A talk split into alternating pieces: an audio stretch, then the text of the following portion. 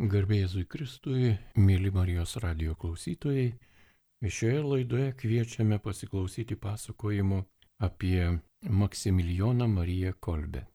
Tikrasis jo vardas buvo Raimund Kolbė, o mes jį šiandien žinome kaip šventąjį Maksimilijoną Mariją Kolbę. Tai kunigas Lenkas gyvenęs iki antro pasaulinio karo nelaimės ir apie šio kunigo svarbą katalikų bažnyčiai visame pasaulyje. Ir žinoma Lenkijoje, žinoma Lietuvoje ir kitur maloniai sutiko papasakoti taip pat to pačio vienuolyno kaip ir šventasis Maksimilijonas Marija Kolbė. Narys, kunigas, brolis Piotr Strocen. Malonu būti svečiuose pas Jūs Radio Marijos studijoje. Malonu su jumis, e, gerbiamasis Liutaurai, bendrauti. Malonu, kad galiu ir su jumis susitikti, gerbiamai klausytojai. Taigi ir norisi iškart brolio klausti, kas tas paslaptingas žmogus, kuris buvo nužudytas labai sunkia žudimo forma tuo metu nacistinės Vokietijos karių ir kodėl jis yra svarbus visam pasauliu šiuo metu ir kokia yra šio nuostabaus šventojo istorija. Taigi gerbiamas broli Piotr. Šventas Maksimilijonas, taip pradėsiu nuo savo tokių įspūdžių, tai yra atgimė mūsų ordiną, nes mažesniai broliai konventualiai, pranciškonai 20 amžiaus pradžioje buvo išgyveno labai e, sunkia akimirka. Po ordino kasatos centrinėje ir rytų Europoje labai daug brolių išmirė, o naujų brolių negalėjo priimti. Taigi net buvo tokia mintis bažnyčioje sujungti pranciškonus su kapucinais.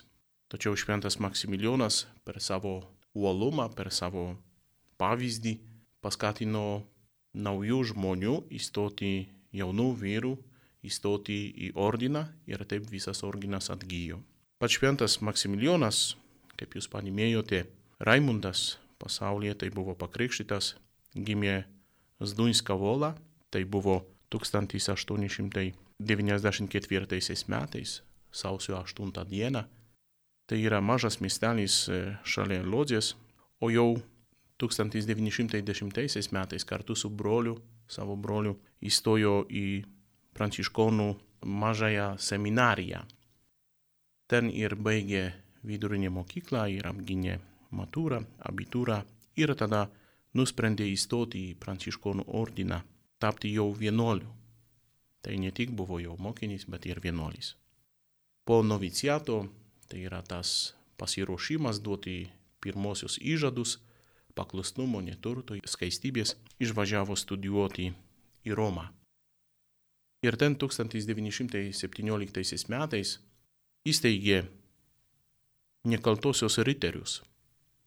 Tai yra tokia organizacija, kuriai pradžioje priklausė vien broliai klerikai, kurie buvo rektoriaus globojami, tėvo rektoriaus globojami, o paskui į tą organizaciją įstojo taip pat ir kiti žmonės pasauliečiai, kurie nepriklausė ordinui. Kas paskatė šventąjį Maksimilijoną, tada dar ne šventąjį, bet jau Maksimilijoną, įsteigti tokią tokią organizaciją, tai buvo matęs, kaip e, masonai sukūrė demonstraciją prie Vatikano.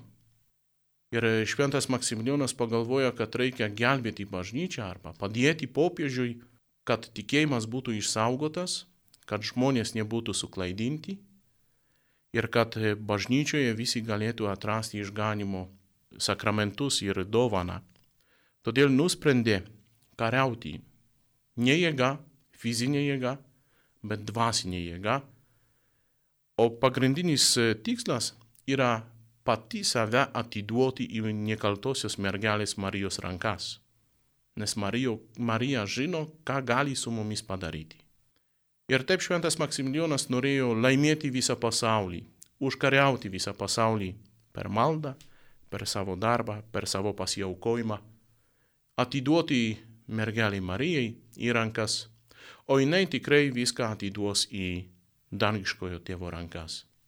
Taip per Mariją e, Maksimilijonas norėjo laimėti visą pasaulį Dievui, apsaugoti nuo įvairiausių pavojų. Sugrįžęs į Lenkiją, šventas Maksimilijonas pirmą tapo ir profesoriumi, dėstytojų seminarijoje Krokuvoje, o tada jau su, suprato, kad reikia ir pasiekti su ta organizacija visus žmonės. Ir jiems nusprendė išleisti žurnalą tokiu pačiu pavadinimu - Nekaltosios riteris. Ir ten rašydamas įvairiausių straipsnių ir prašydamas kitų brolių profesorių, kad parašytų straipsnių ir tą žurnalą skleidė, kur tik buvo įmanoma. Labai įdomus dalykas. Pradžioje, kaip Šventas Maksimilijonas pirmą numerį norėjo išleisti, neturėjo jokių pinigų ir dar vyresniai irgi nesutiko paremti tą leidinį. Tada Šventas Maksimilijonas nuėjęs į baziliką Pranciškonų bažnyčią Krokuvui, atsiklaupęs prie Marijos altoriaus, prašė pagalbos. Ir pakelęs galvą nuo maldos, pastebėjo voką, kuris gulėjo ant altoriaus. Paėmė tą voką, pamatė, kad viduje yra daug pinigų. Ne mažiau, ne daugiau, o tiksliai tiek, kiek reikėjo išleisti pirmą numerį. Šventajam Maksimilijonui tai buvo ryškus ženklas, kad tai yra Marijos darbas ir todėl nusprendė, kad e, reikia visą savo jėgas skirti būtent ir nekaltosios riterių organizacijai, o taip pat ir šiam leidiniui, šiam žurnalui. Netrukus šventas Maksimilijonas dėl lygos, dėl plaučių lygos turėjo išvažiuoti į Zakopanę, ten daug laiko praleidęs, kad e, išgytų dėja nedaug ką pavyko pakeisti jo sveikatos būklę, bet šventas Maksimilijonas vis dėlto nepasidavė. Nebuvo vietos irgi Krokovai leisti tokį žurnalą, kuris, kurio tiražas daugėjo kasdien, todėl ir buvo perkeltas į Gardiną, bal, šiandien Baltarusijoje, bet tuo laiku tai buvo Lenkija. Ir ten mūsų vienolinė šventas Maksimilijonas išleisdavo tą žurnalą ir paskui siūsdavo į visą, visą kraštą. O kai buvo Gardinė, tada ir nekartą lankėsi ir Vilniui. Čia jau buvo labai arti ir mūsų miesto.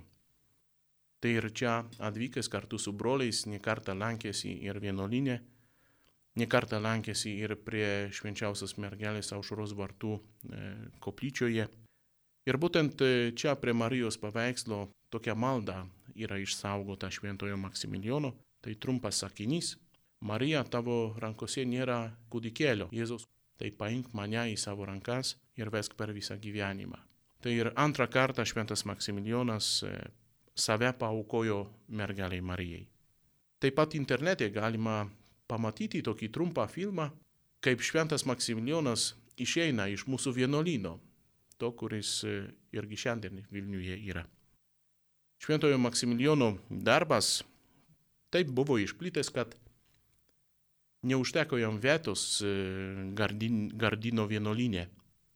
Ir tada dėl vyres, e, su vyresniųjų leidimų netoli Varšuvos Teresino kaime nusprendė pastatyti vienolyną. Gavo žemę iš vieno grafo, Drutskis Lubeckis, jo buvo pavardė tokia. Tai ir pradžioje nenorėjo tos žemės padovanoti, bet tik parduoti. Bet kai jau tik sutiko, šventas Maksimilijonas pastatė Marijos skulptūrą ir pasakė, čia bus Marijos miestas. Sugraudinęs grafas nusprendė atiduoti visą žemę vienuoliams, kad galėtų ir pastatyti ten vienuolyną Marijos garbiai. Ir taip šventas Maksimilijonas pradėjo kartu su broliais, tais, kurie norėjo, kaip jis, savo gyvenimą Marijai paukoti ir visą pasaulį laimėti ir atiduoti į Marijos rankas, kad jinai atiduotų ir tą visą pasaulį į Dievo rankas. Kartu įsteigė ir visą bendruomenę. Jie gyveno labai skurdiškai, nedaug turėjo Ir iš tų laikų irgi kyla toks posakis, kaip šventas Maksimilijonas kažką nors darė, Tai ir sakydavo, kad su, lop, su abitu pilnu lopu, bet lėktuvu. Tai ir kas įmanoma, kas geriausia, tik dėl tikslo, dėl to, kad laimėtų visą pasaulį mergeliai Marijai, nekaltai mergeliai Marijai. Bet svar, svarbu yra tik tas tikslas, o nesvarbu yra, kaip jisai gyvena. Tai ir jokių, jokios savo naudos, jokių savo kažkokių naudos ir, ir kažkokių profitų savo, tai neieškojo. Maksimilijono laikais Nepokalanov, tai yra tas Marijos miestas, labai daug brolių gyveno, beveik, beveik 1800 brolių gyveno vienolinė, ten buvo ir leidykla, ten buvo ir spaustuvė, buvo, kas įdomu, ir ligoninė, tai yra toks skyrius, kur susirgę broliai buvo brolių globojami, taip pat ir buvo gaisrinė e, ir įvairiausių dar kitų skyrių, kuriuose broliai dirbo paprasčiausiai nuo ryto iki vakaro, skirsdamas laiką tarp maldos ir darbo. Šventas Maksimilijonas irgi studijavo Politechnikoje Varšuvoje, kaip reikia išdėstyti darbą, kad kiekvienas neprarastų laiko, kad kiekvienas brolis, kuris įstoja į ordiną, įstoja būtent į šį vienuolyną, kad būtų kuo geriausiai skiria savo talentus ir gabumus būtent darbui ir kad nebūtų pavargęs tuo pačiu. Todėl ir šventas Maksimilijonas turėjo tokią didelę lentą, kur visiems pareigas skirsdavo. Irgi yra tokia labai įdomi nuotrauka, kur šventas Maksimilijonas yra vaizduotas prie savo rašomo stalo. Ten popierių krūvas, dešinė, kairė pusė priekyje, truputį viršui, truputį apačioj, taip kad nebuvo vietos, kur galima pasakyti yra tvarka arba yra tuščia. Taip šventas Maksimilijonas išnaudodavo visas galimybės. Šventas Maksimilijonas būtent Marijos mieste turėjo įvairiausių minčių, kaip reikia ir platinti visą veiklą.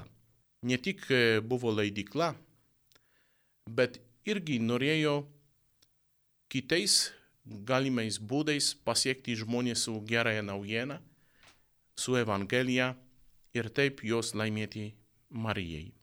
Todėl ir Šventojo Maksimilijono laikais jau pradėjo veikti ir radijas. Taip pat Šventas Maksimilijonas galvojo, kad reikia ir pastatyti oro uostą, kur lėktuvai galėtų nutupti ir paimti tos žurnalus Riteris, nekaltosios Riteris ir nuvežti, nuskraidinti ten, kur negalima pasiekti, o kad kuo greičiau tai ir vyktų. Iki to laiko Šventas Maksimilijonas irgi būtent dėl, tos, dėl to žurnalo pastatė ir savo geležinkelio kelią, kad su vagonėliais broliais nutemtų visą, visas pakuotės, visą tiražą tų žurnalų iki valstybinės geležinkelio stoties. Šventas Maksimilijonas buvo toks, galim pasakyti, vizionierius. Jeigu pasirinko jau kažkokį tikslą, tai ir to tikslo siekė ištikimai, nepasiduodamas. Taip, todėl ir šventas Maksimilijonas ne tik žurnalais norėjo pasiekti žmonės. Šventosios dvasios įkvėptas suprato, kad reikia irgi Evangeliją skelbti ten, kur, kur jinai nėra skelbiama. Todėl ir nusprendė važiuoti į Aziją, į rytus. Ir ten irgi norėjo skelbti Evangeliją ir laimėti kiekvieną žmogų Marijai, gavęs vyresniųjų leidimą, nukeliavo į Kiniją, galvojo, kad tai Kinijoje, galvojo gal Vietname, gal kitose valstybėse, o pasirodė, kad atsirado Japonijoje.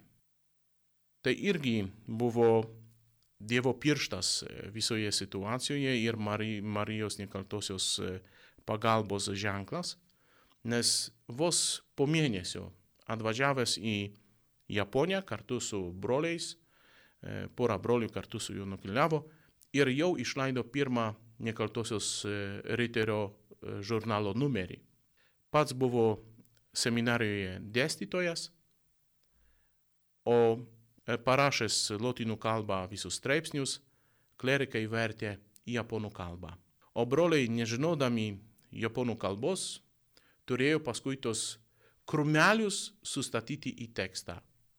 Tai jiems buvo didelis iššūkis. Todėl ir ten ieškojo kažkokio vienuolino ir broliai negalėjo niekur surasti ir vietos savo vienuolinui. Ten ir gavo kažkokio tokio, kažkokį tokį sklypą, paslėptą už kalno, Hirošimoje, mieste Hirošima. Na ir ant tos e, šlaito už kalno pastatė tą tokį mažą vienuolyną, kažkokį namuką. Ir tai buvo didelis išgelbėjimas. Nors sunku buvo pastatyti ten tą namą, nes žemė visiškai buvo akmenuota, uolota. Bet e, antro pasaulinio karo, kai buvo numestas, numesta atominė bomba, tai būtent ir jų vienuolynas buvo to kalno apsaugotas.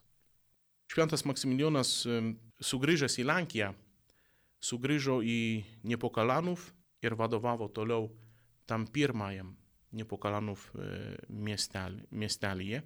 Jis buvo gvardionų, priimdavo naujus pašaukimus, visus, e, e, visus naujai įstojus brolius irgi formavo, mokė, kaip reikia ir būti vienuoliais, o priimdavo būtent tuos, kurie jau turėjo kažkokią profesiją.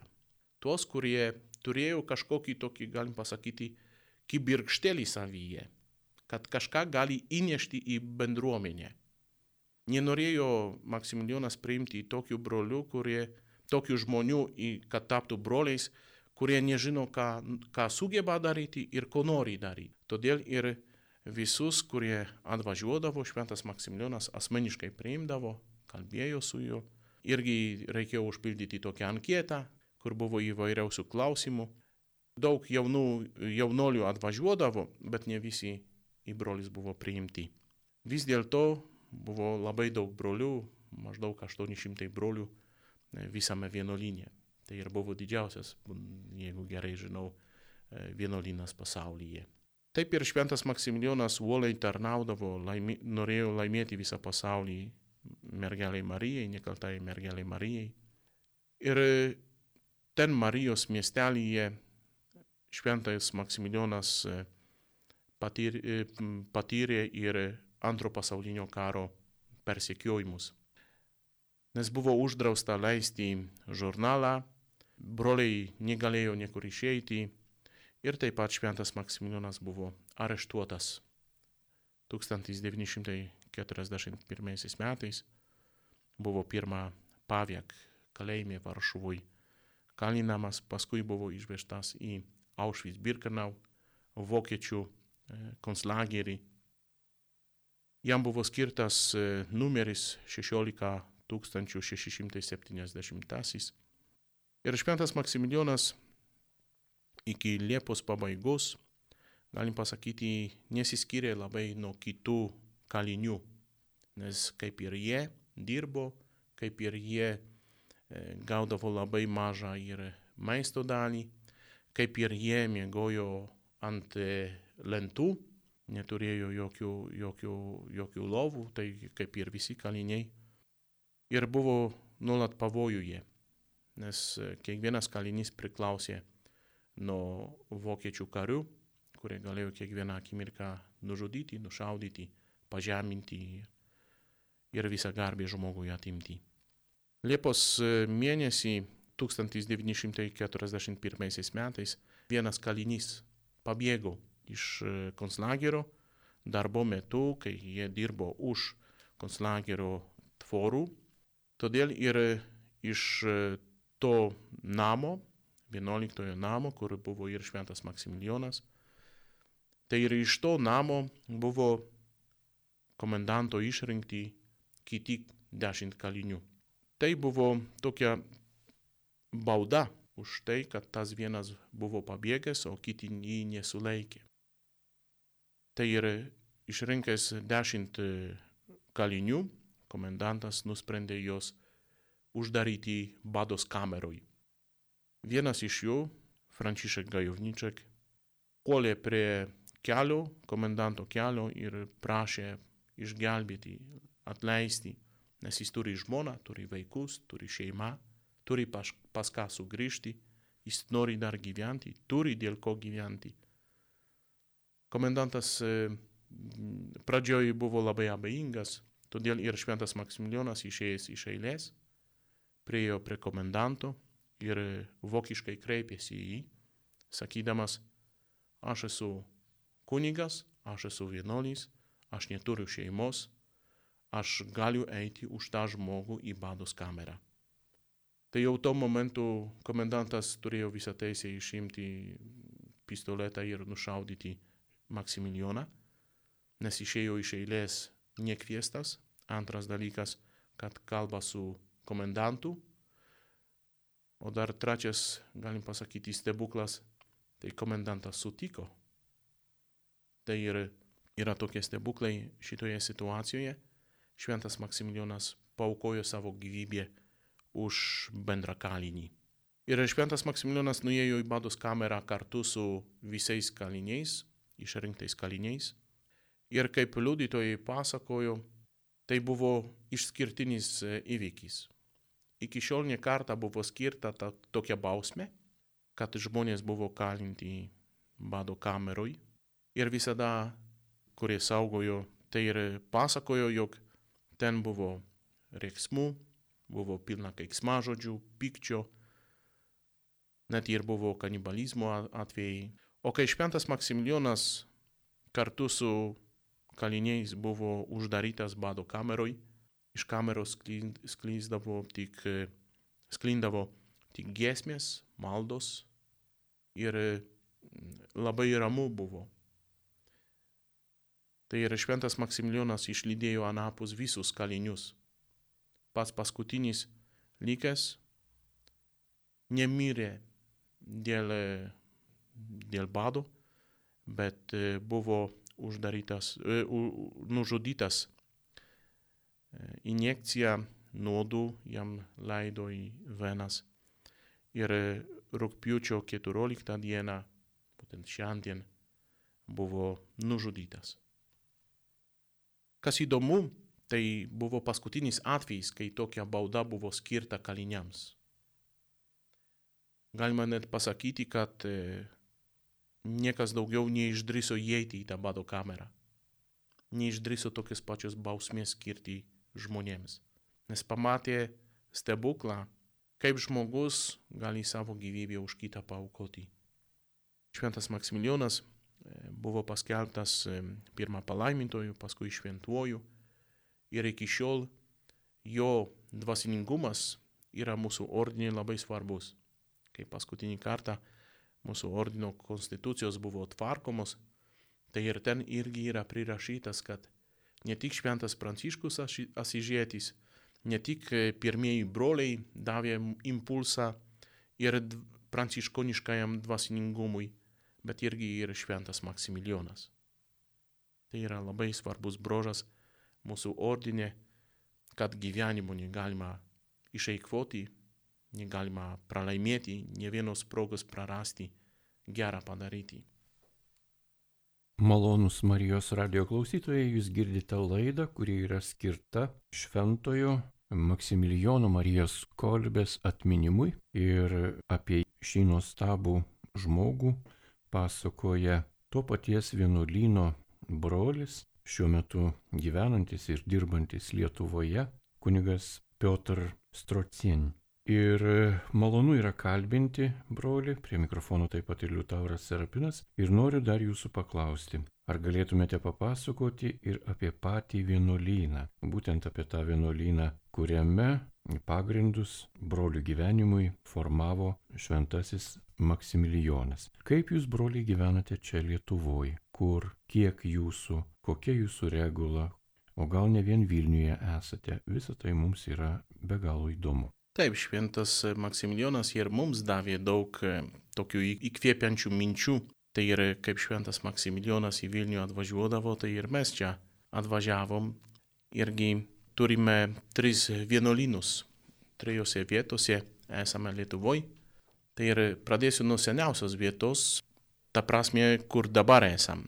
nes mes sugrįžom į Vilnių, bet tai nėra seniausia dabar, kur atvykome vietą. Nes 61 e, metais į medininkus atėjo tėvas Kamil Vėliumainski, kuris buvo po antro pasaulinio karo išsiųstas į tremtį, į Vorkutą, turėjo dir dirbti kasykloje, bet jam pavyko, nenuvažiavo po žemę ir gavo 25 metų baudą, tačiau po 9 metų amnestiją jį apėmė ir sugrįžo į Lietuvą.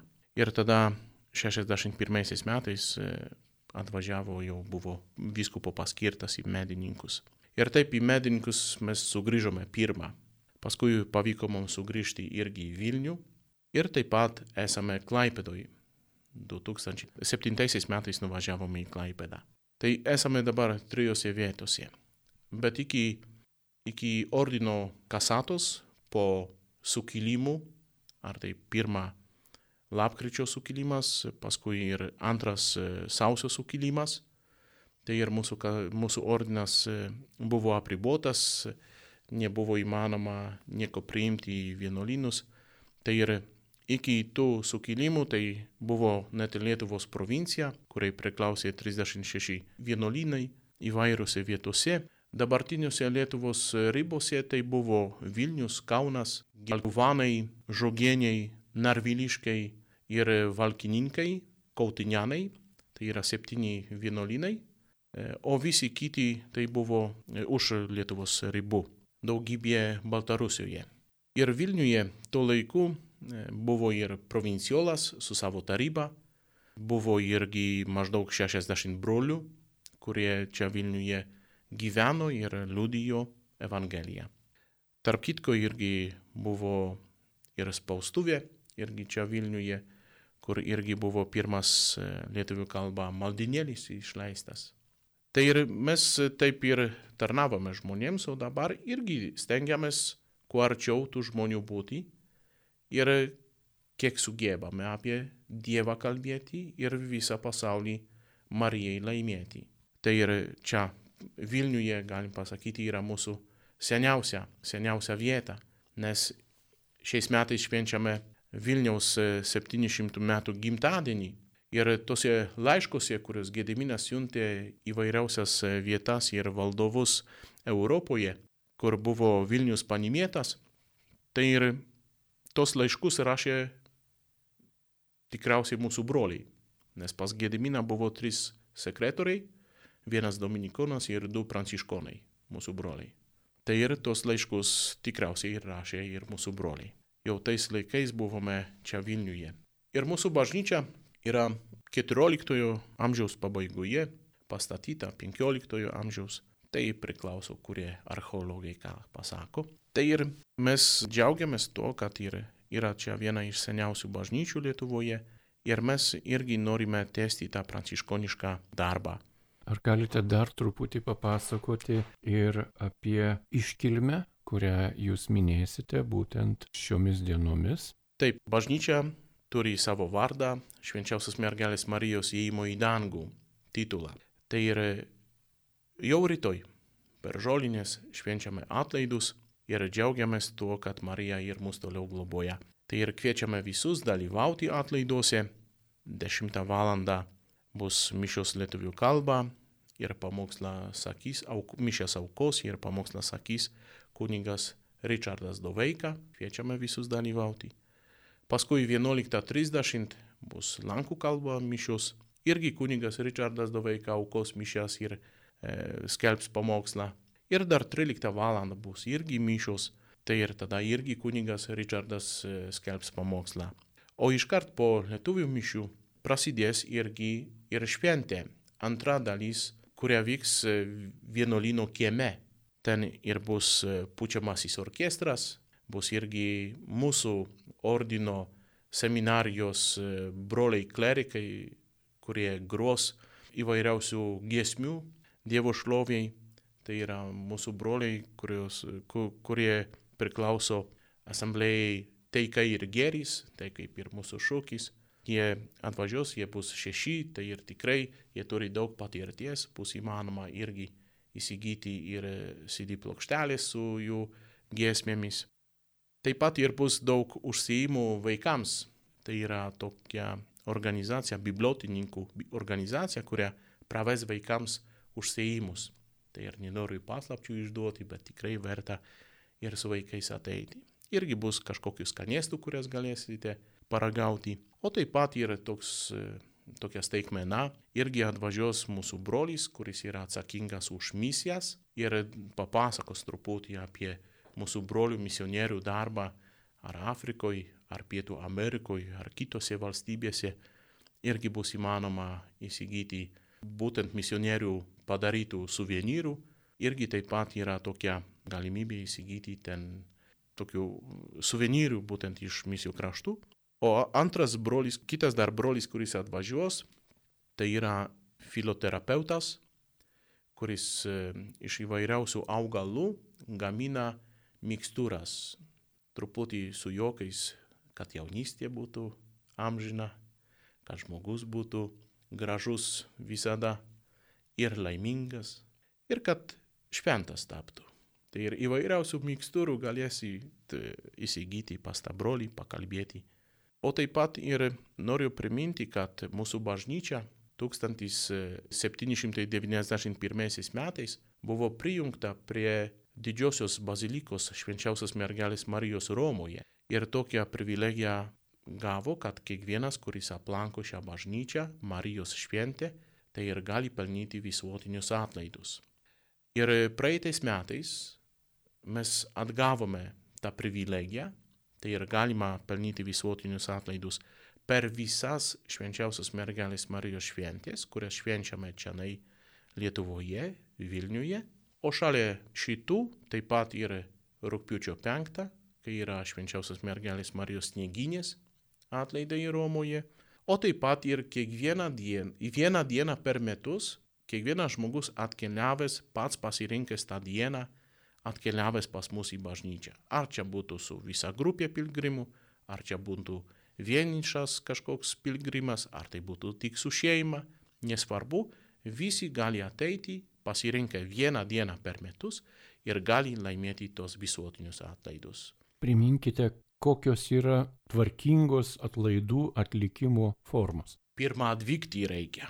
Tai yra mūsų bažnyčia, tai Pranciškonų gatvė vienas, netoli trakų gatvės, tai ir kviečiame pas mus ateiti, o reikia įprastom sąlygom. Tai reikia turėti būti pašvenčiamosios malonės stovyje, tai ir negali būti prisirišimo prie kažkokios nuodėmės. Taip pat reikia, jeigu reikia, tai ir atlikti išpažinti, o tada ir priimti komuniją tą dieną ir sukalbėti maldas popiežiaus paskirtą intenciją. Tai yra tėvė mūsų ir tikiu Dievą tėvą. Mielas kunigė, broli Piotr, labai dėkojame Jums už tokį išsamų pasakojimą apie šventąjį Maksimilijoną Mariją Kolbę, apie Jūsų vienuolyną ir apie šventę, kurią šiandien mini visas pasaulis. Prašome palaiminimo tiems, kurie šią valandėlę kartu praleido su šventuoju Maksimilijonu ir jumis. Sveikinu visus ir džiaugiuosi, kad šventas Maksimilijonas tapo jums artimesnis, geriau žinomas. Džiaugiuosi, kad ir šventas Maksimilijonas garsėja visame pasaulyje. Žinoma, yra daug kitų pranciškoniškų šventųjų, tai yra pats šventas Pranciškus arba šventoji Klara, kurią nesenai prieš porą dienų, e, rūpiučio 11 mes šventėme. Taip pat yra šventas e, Antanas, kuris garsiausias atrodo pasaulyje iš, iš visų šventųjų, taip pat yra šventas Maksimilijonas prie tos gerbiamosios gretos gali būti drąsiai prijungtas. Tai ir noriu visus pasveikinti, tegul šventas Maksimilijonas mums visiems išmeldžia tokios drąsos ir uolumo siekti tikslo, o svarbu, kad tikslas būtų geras, kilmingas ir pagal Dievo valią. Tegul Marija taip pat ir mus visus globoja ir veda į dangų. Amen. Mėly radio klausytojai, jūs girdėjote laidą, kuri buvo skirta šventajam Maksimilijonui Marijai Kolbei. Ja vedė kunigas brolis Piotr Strocien, jį klausinėjo Liutauras Serapinas, ragindamas ir toliau visus likti su Marijos radiju.